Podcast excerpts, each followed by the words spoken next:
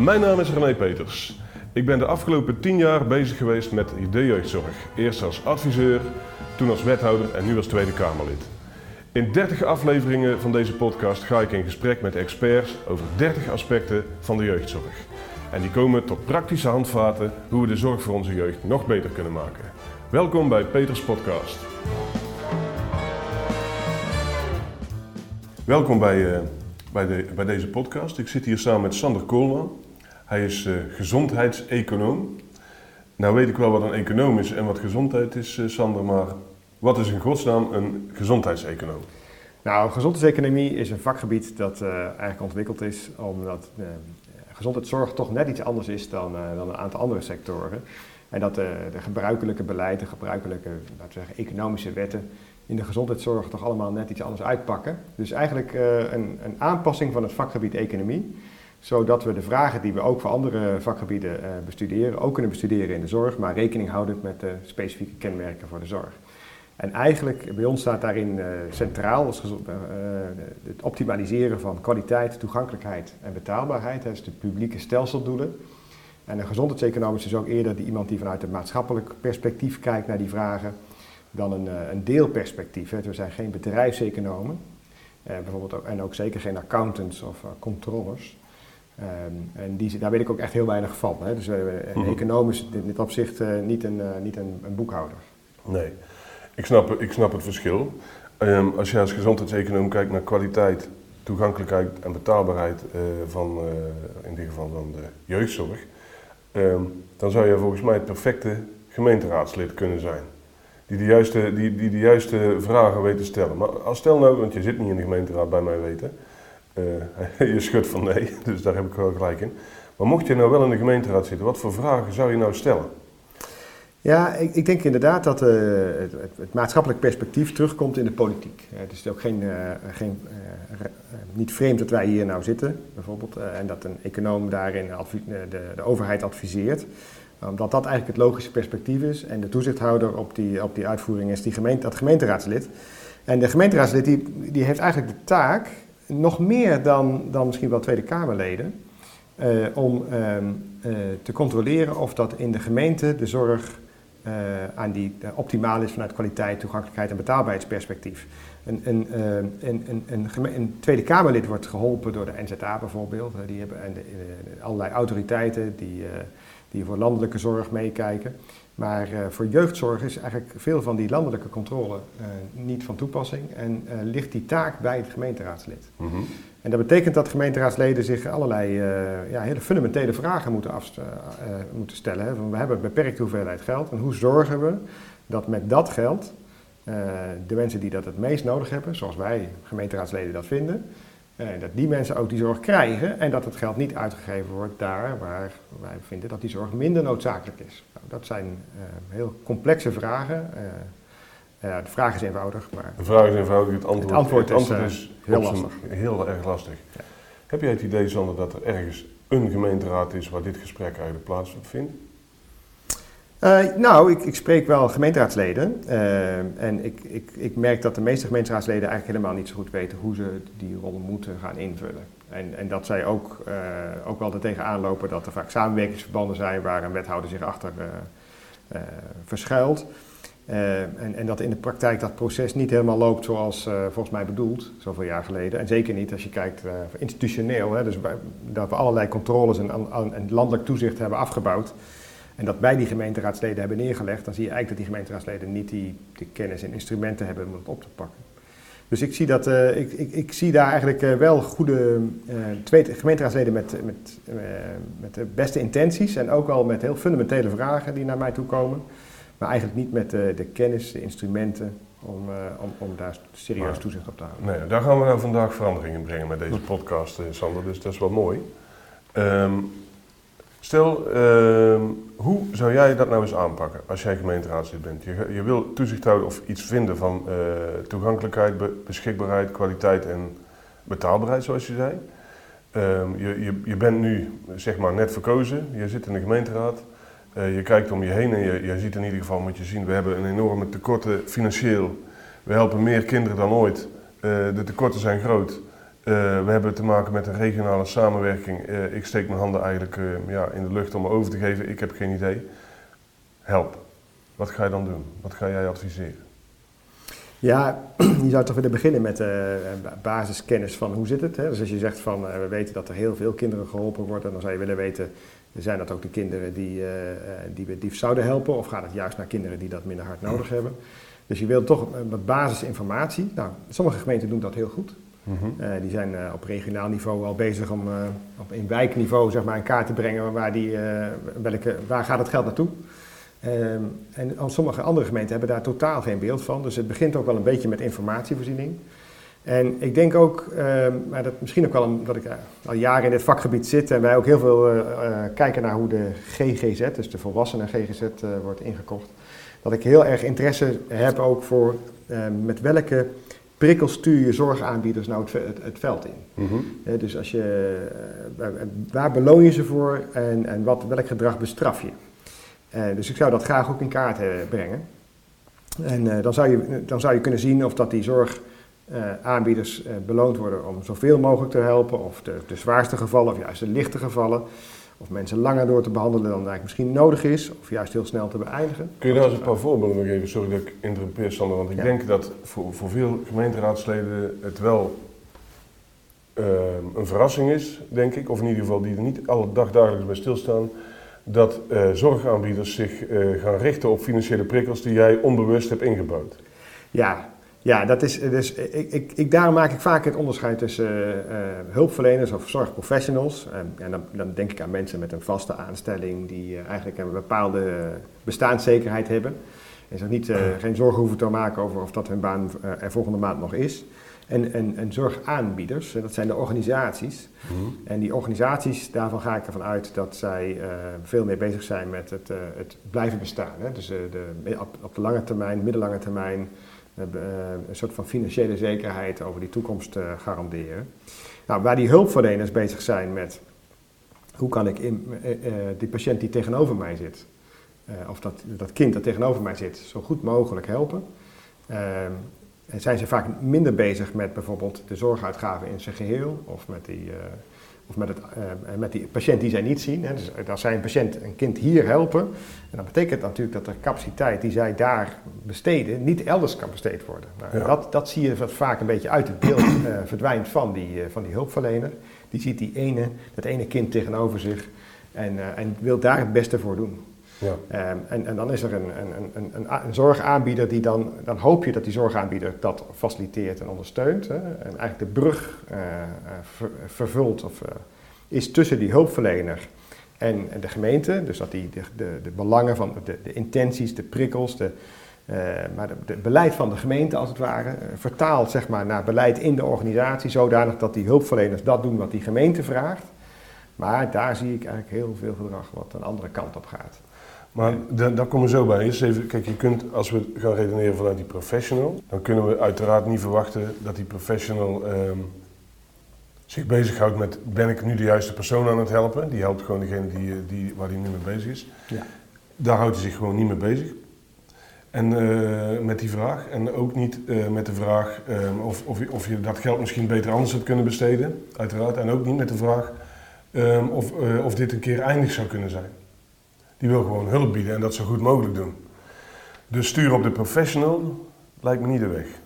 Nou, ik, ik, wil, ik, ik wil iets zeggen over die professional. Kijk, ik ben zelf uh, docent. Mm -hmm. uh, en ik uh, geloof erg in dat het goed is om te doseren, om mijn vak uit te dragen. En dat is ook de reden waarom ik hier zit. Ja. ik denk dat als meer mensen van gezondheidseconomie kennis zouden nemen, dat wij beter met elkaar die contracten en afspraken zouden kunnen maken.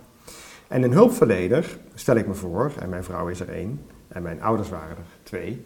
Ehm, die zijn eigenlijk, daar, uh, zie ik, zeg maar, erop gericht om, om die hulp te verlenen. Dat is hun professie en dat, mm -hmm. uh, dat is eigenlijk iets heel moois. Daar moeten we ook ontzettend dankbaar en blij uh, om zijn dat we die mensen hebben die dat willen doen. En, ehm, en vervolgens zeg je dan, ehm, als die mensen geloven in het bieden van hulp, hoe help je ze dan om, om, die, om die relatie ook weer te beëindigen?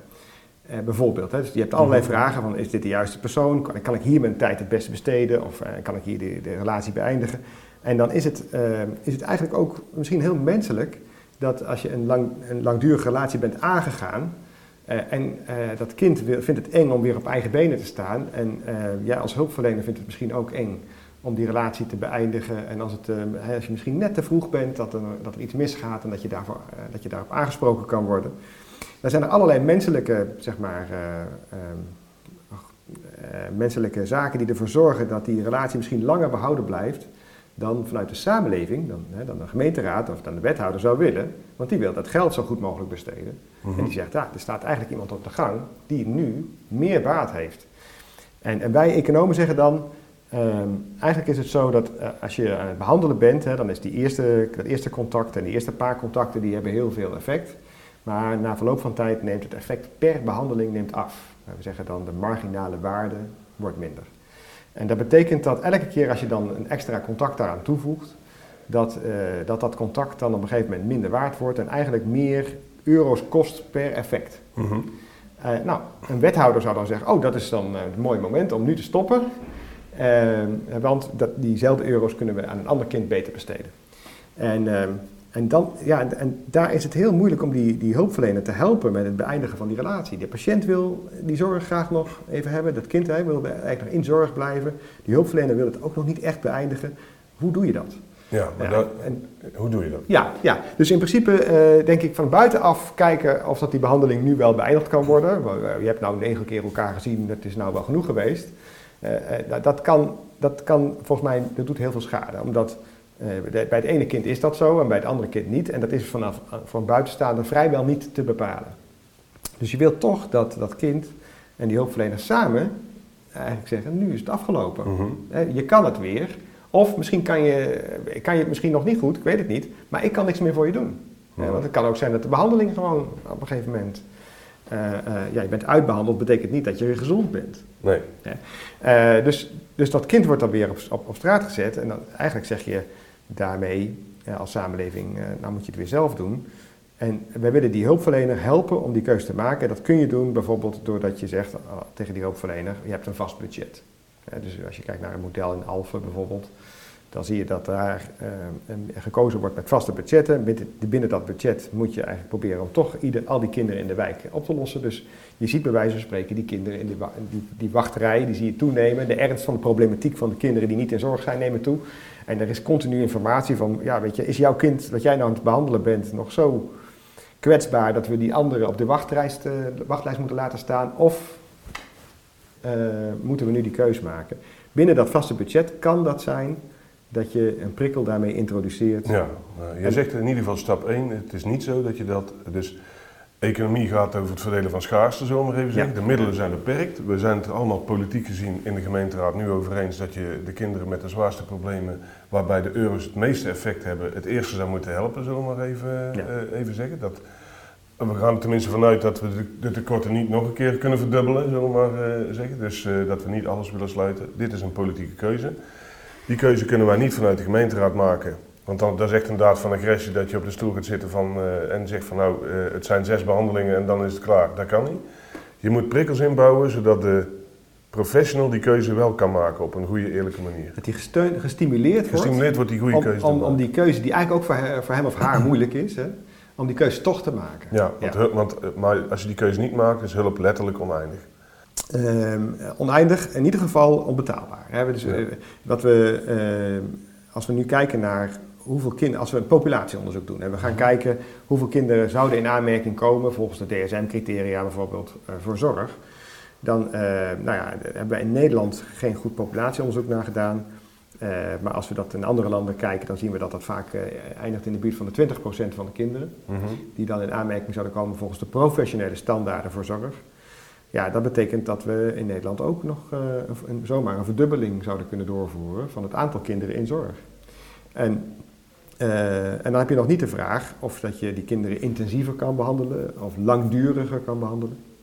Eh, misschien kostbaardere behandelingen zou kunnen geven. Met andere woorden, wij zouden de zorguitgaven voor de jeugd zouden we gemakkelijk een keer over de kop kunnen laten gaan en ook nog wel meer dan een keer. Eh, dus in die zin is, er, is het wel belangrijk dat gemeenteraadsleden en wethouders zich realiseren. eh, ik, het is, de vraag is niet oneindig, maar de vraag is, eh, de behoefte aan zorg is wel veel groter dan wij als samenleving bereid zijn zeg maar, daarin te voorzien. We willen niet en een voorbeeld is mijn eigen kind. Ik heb twee kinderen, twee zoons. En een daarvan die, die is een beetje woordblind. Hij kan het compenseren, maar eigenlijk heeft hij ook wel hulp nodig. Omdat, en dat, die hulp wordt nu niet geboden door de school. Uh, hij valt net buiten die criteria. Nou, wij zouden het eigenlijk best wel willen als die, zorg het, die school het zou aanbieden en die gemeente zouden betalen. Als daar wel zorg zou komen voor dat kind. Mhm. En nu moeten we dat zelf regelen. Tegelijkertijd is het helemaal logisch dat de gemeente zegt: ja, we hebben beperkte middelen en jouw kind valt daar net niet binnen. Ja. Binnen onze criteria. Dus ik krijg het niet. En als ik het dan wil regelen, dan moet ik het of zelf betalen. Nou, dat doe ik niet nu. Ik zou het eigenlijk wel kunnen, dus dat is al interessant. Hè? Het feit dat we dat dan niet doen, dat zegt al iets over hoe belangrijk wij het vinden. Ja. Maar wat we wel doen, is dat we wat zelf wat meer aandacht geven aan, uh, aan de opvoeding en het uh, ondersteunen bij het lezen. Nou ja, en dat is dan hoe het gaat. Hè? Dus Je maakt als samenleving keuze. En wij, uh, wij, in dit geval hebben wij aan het kortste eind getrokken. Maar volgens mij wel terecht. Ja. Nee, oké, dus, dus eh, volgens mij ook terecht, maar goed, ik ga er niet over. Mooi dat je dat zo, eh, zo duidelijk aangeeft.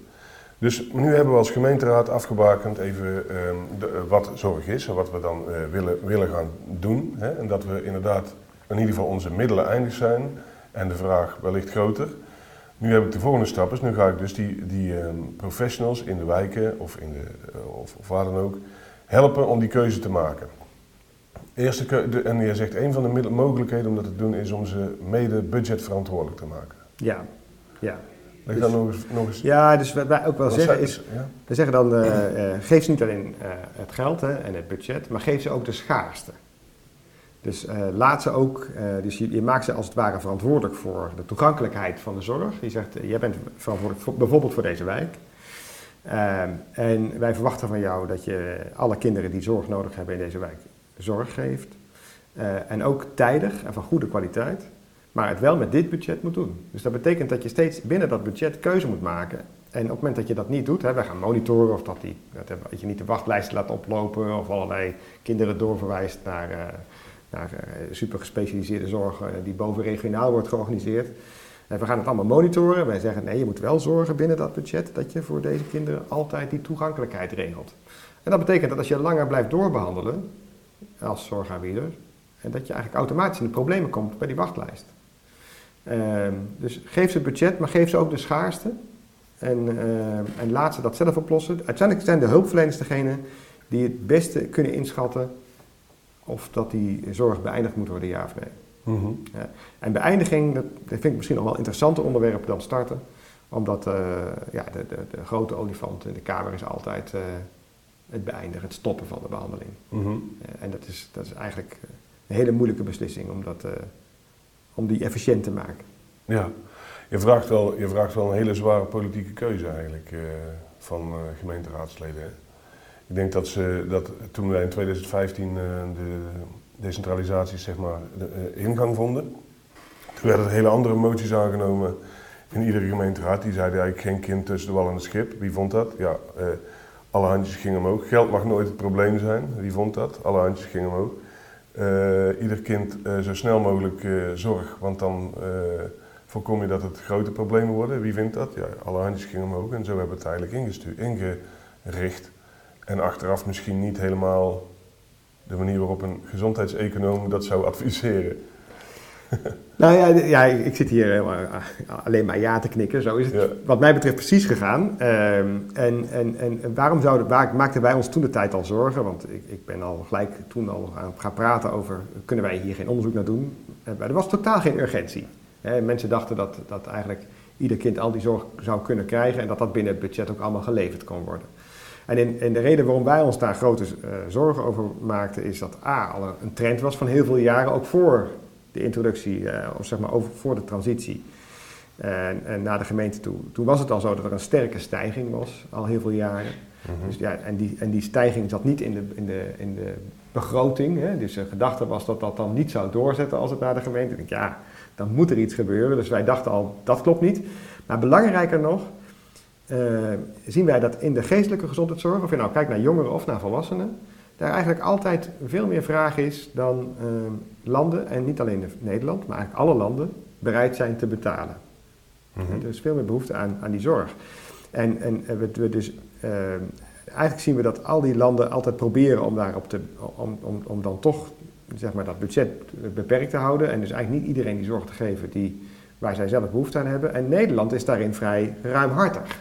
Dus wij zien dat de GGZ in Nederland eigenlijk groter is. We hebben meer psychiaters, we hebben, een groter, groter aanbod van, van zorgaanbod.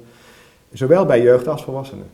En, ehm, eh, en dat betekent nog steeds niet dat we de helft van de mensen die, die daar in aanmerking komt voor die zorg ook behandelen.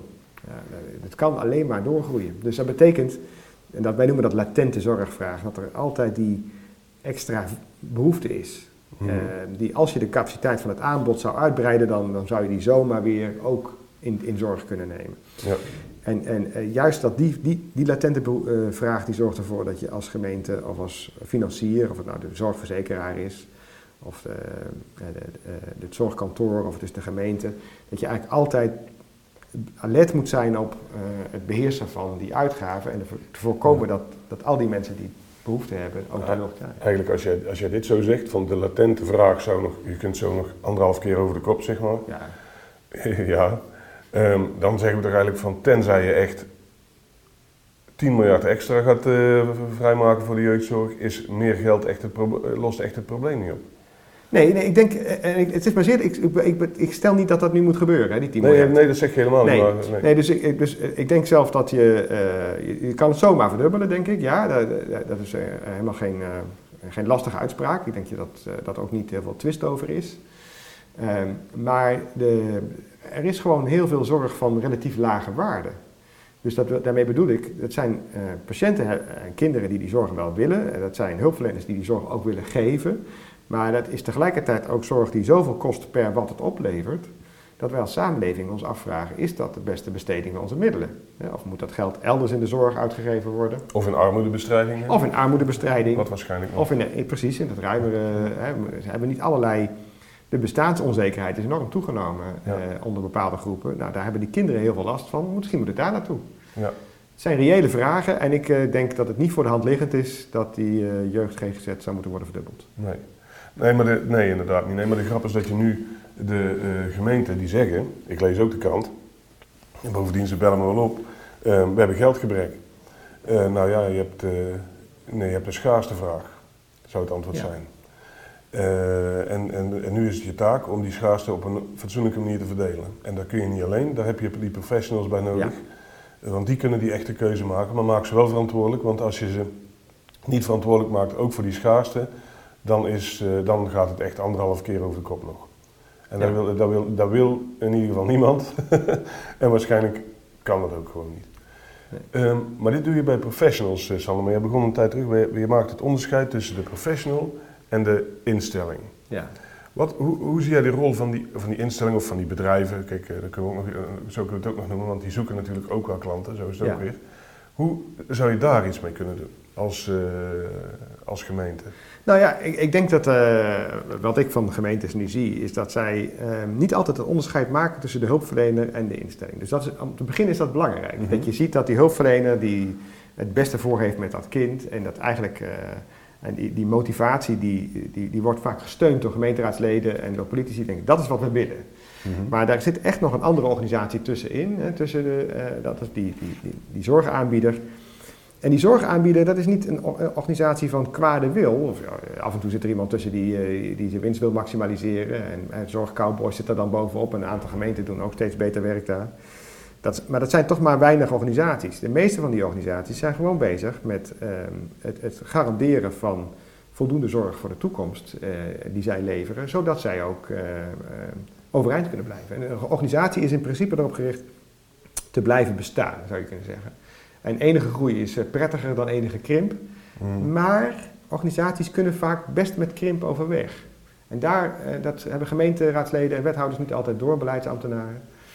Uh, als jij uh, een, een, krimppad afspreekt met een soort van zekerheid, hè, dat, je, uh, dat je zegt van nou, wij, in de komende jaren krijg je van ons wel zoveel geld, maar wij verwachten dat je over zoveel jaar bent gekrompen. Mm -hmm. nou, dan kan die, die, die, laten we zeggen, die directeur, die kan gaan nadenken over, nou, de, deze persoon als die weggaat bij ons, dan ga ik die niet opvullen. Of als deze met pensioen gaat. Of, en dan krijg je dat zij eigenlijk proberen om daarop te plannen. En dan kan zo'n organisatie daar vaak best mee overweg. Oké, okay, dus je vraagt eigenlijk, dat is ook eigenlijk zo logisch als maar zijn kan natuurlijk. Uh, zo'n, zo'n bedrijf of zo'n instelling die is op voortbestaan gericht, uiteraard. Ja. Um, um, dat wil niet zeggen dat er niet mee te praten valt. Doe dat. Maar, uh, maar doe dat op iets langere termijn, zodat die ook de mogelijkheid hebben om zich aan te passen. Dus je zegt, ik kan best omgaan met krimp. Maar zeg niet morgen de helft eraf. maar, maar... Ja, maar je lacht nou. Maar ik, ik, ik, ik kom bij gemeenten die dus zien dat de uitgaven hoger zijn in het lopend jaar. En die dan een controle de opdracht geven, doe daar wat aan. En die dan proberen gaandeweg het jaar, notabene terwijl die contracten dus allemaal al eh, lopen en vaststellen. En waar iedereen heeft zijn begroting op gemaakt. Al die zorgaanbieders die hebben, die hebben daar ook een, eh, een uitgave op gebaseerd, het personeel op aangenomen. Om dan lopende dat jaar die uitgaven nog naar beneden buiten. Ja, ja dat, dan krijg je maximale weerstand. En ik denk dat die. Die is terecht gewoon. Ja, nou ja, begrijpelijk. begrijpelijk. En, en, en dat je dan vervolgens rechtszaken krijgt, hè, eh, dat vind ik ook niet vreemd. En dat de rechter dan vervolgens meestal die zorgaanbieders ook nog gelijk geeft, ja, weet je, dat is ook niet vreemd. Nee. Eh, maar tegelijkertijd kun je met die organisaties wel zaken doen, is mijn. Eh, maar dan zou jij zeggen van, ben ik even weer wethouder, Sander, een paar jaar terug inmiddels. Hè? Ik zeg, ik ga, ik ga nu een, uh, even gehoord de vorige podcast, heel goed bedenken wat, voor, wat, voor, wat is nu eigenlijk zorg? Welke zorg wil ik leveren? Um, uh, uh, dit is mijn budget. Dat budget, daar maak ik mijn, mijn aanbieders mede verantwoordelijk voor, zeg maar. Dus ook de schaarste. Um, en nu ga ik het dan ook inkopen en ik maak met, met een beperkt aantal partijen die deugen. Die cowboys heb ik eruit gefilterd, dat kan ook gewoon, hè? maar er zijn er niet zo heel veel, maar ze zijn er wel degelijk. Die filter ik er gewoon van de voorkant uit maak ik langjarige afspraken die ook gericht, en dan kun je ook gerust daar een afbouwpad in, ja. in opmaken. Ja, dus als je kijkt naar de, de ziekenhuizen in andere buiten, de jeugdzorg, dan zien we dat bijvoorbeeld Bernhoven, ja. een ziekenhuis, dat is zo'n ziekenhuis waarin eigenlijk een, een pad is afgesproken dat onder financiële zekerheid, dus een soort van garantie, een meerjarige garantie, ja, er, er, wordt ge, gesproken over hoe kunnen we nou de capaciteit, de, de, de volume terugbrengen en als die volume is teruggebracht, dan wordt er vervolgens ook de, de kosten worden dan teruggebracht. Hè. Dat moet nog wel gebeuren. Maar uh, wat je eigenlijk doet, is je biedt zo'n organisatie bestaanszekerheid. En dat is eigenlijk het belangrijkste wat ze willen hebben. Onder de voorwaarde dat ze zich meer gaan richten op dat wat je als gemeente van ze vraagt. Dat kan. Ik ben ervan overtuigd dat je heel veel gemeenten, heel veel wetten op die manier een heel goed gesprek kunt hebben met veel van die aanbieders. Ja. Nou, ja, interessant. Ik ben heel interessant zelfs. Um, Sander, dan hebben we goede afspraken gemaakt met uh, de aanbieders. Wij weten dan hoe we de professionals in hun kracht kan zetten door ook eh, de schaarste te verdelen. Um, welke vragen blijven er dan nog over die ik als gemeenteraad zou moeten uh, kunnen stellen? Behalve de informatievraag van wat doen we eigenlijk met het geld, maar daar begonnen we mee. Ja, ik denk zelf dat uh, het lijkt nu alsof we naar een soort van oplossing toe gaan. en, en, eigenlijk wil ik de luisteraars toch niet de suggestie meegeven dat het zo eenvoudig is. Ehm, eh, het, als je kijkt naar bijvoorbeeld de gemeente Alphen, uh, die hebben wat meer zo'n model met budgetten en dan een, uh, allerlei aanbieders werken daarin samen. Dat is, dat is een model wat ook weer zijn eigen risico's met zich meebrengt. dus als je dat gaat doen, dan heb je altijd, je gaat dan voor een aantal jaar ga je zo'n contract aan. Tegelijkertijd zijn alle, aanbied, alle andere aanbieders, al de, de, concurrenten zou je kunnen zeggen, die zijn uit de markt. Hè? Want mhm. ja, je hebt, je hebt al het geld aan, deze, aan dit consortium gegeven, dus daar in de omliggende gemeentes nog wat capaciteit, maar ja, nooit genoeg om na vijf jaar een serieuze concurrent te vormen van uh, dat consortium dat je hebt gecontracteerd. Mm. En daarnaast is het nog zo dat uh, als je dat consortium zou willen, het contract zo niet zou willen verlengen, dat dat voor de continuïteit van zorg een drama is. en dan heb ik het met name, met name over de relatie tussen de hulpverlener en het kind. Maar ook tussen de hulpverleners en bijvoorbeeld andere vormen van zorg nee, maar ik, zeker, uh, ook met zo'n, welke vorm je ook kiest, het heeft uh, gewoon uh, weer andere prikkels en ook weer andere gevaren en andere nadelen. Dus klaar is het nooit. Nee, dat, nou, dat is waar, maar tegelijkertijd is het dus, als je je realiseert wat de nadelen van zo'n contract zijn, dan kun je daar ook weer op voorbereid zijn. Ja. Hè? Dus je kan bijvoorbeeld wijkkavels laten vervallen, die op een ander moment komen te vervallen, dat je dan toch aanbiedt, aanbieders, zeg maar, concurrerend aanbod overeind houdt je kan op allerlei manieren proberen na te denken over, ik wil, uh, ik wil die concurrentie wel, uh, wel, wel, uh, wel mogelijk houden, hè, ook naar de toekomst toe. Wat voor beleid hoort daar dan bij? En ik, ik kan me bijvoorbeeld wel voorstellen, als je kiest voor zoiets als open house, wat, ik, ik noem dat het laatst per ongeluk full house, en een verspreking die ook wel een beetje past bij hoe, hoe, hoe, nu de deur open staat, zeg maar, voor allerlei aanbieders. Maar ook open house zou je natuurlijk kunnen aanpassen door wat kritischer te zijn op degene die mogen meedoen. Het aantal aanbieders dat je contracteert. Maar het leuke van open house is dat het wel weer die aanbieders stimuleert om, om, vraaggericht, om, om naar die kinderen zeg maar, en die ouders en de omgeving, om, om zich daarop te richten. En daar zijn modellen van, ook in de ouderenzorg in, in, in, Scandinavië, die redelijk lijken te werken. Met een soort van, hè, dat je toch iets van, van concurrentie hebt van aanbod, waar je uit kan kiezen als klant, maar binnen zodanige grenzen dat de totale uitgaven niet kunnen oplopen. Nee, dat is je, je sowieso boodschap. Maar goh, heel interessant. Ik denk dat uh, veel gemeenteraadsleden met uh, deze podcast misschien wel twee keer gaan luisteren. Ik zou het zelf doen in ieder geval. Um, en we zijn ook aan het einde van die podcast gekomen. En dan vraag ik dikwijls, ik heb, had me voorgenomen dat iedere keer te doen, maar ik ben het af en toe vergeten, maar ehm, om een, uh, een, uh, de boodschap nog even in een soort van slagzin of motto uh, samen te vatten. Kun je dat, uh, Sander? Ja, dat is in mijn geval, ik mocht er al even over nadenken, want ik had natuurlijk anderen gehoord. En ik kom heel veel mensen tegen met, ehm, die met de beste bedoelingen en echt diep gevoelde beste bedoelingen aan alle kanten van, van het spectrum, zeg maar, de jeugdzorg willen helpen. En tegelijkertijd zie ik dat daardoor nu een situatie ontstaan is waar, waarin er heel hard gestuurd gaat worden op in sommige gemeenten op die uitgaven. En daar komen keuzes uit naar voren die volgens mij heel pijnlijk zijn en ook slecht voor de kinderen. Dus uh, ik heb gekozen voor The Road to Hell is paved with good intentions. Jee, dankjewel Sander.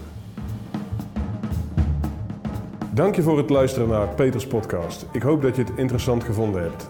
Delen mag, vergeet je niet te abonneren en tot de volgende aflevering.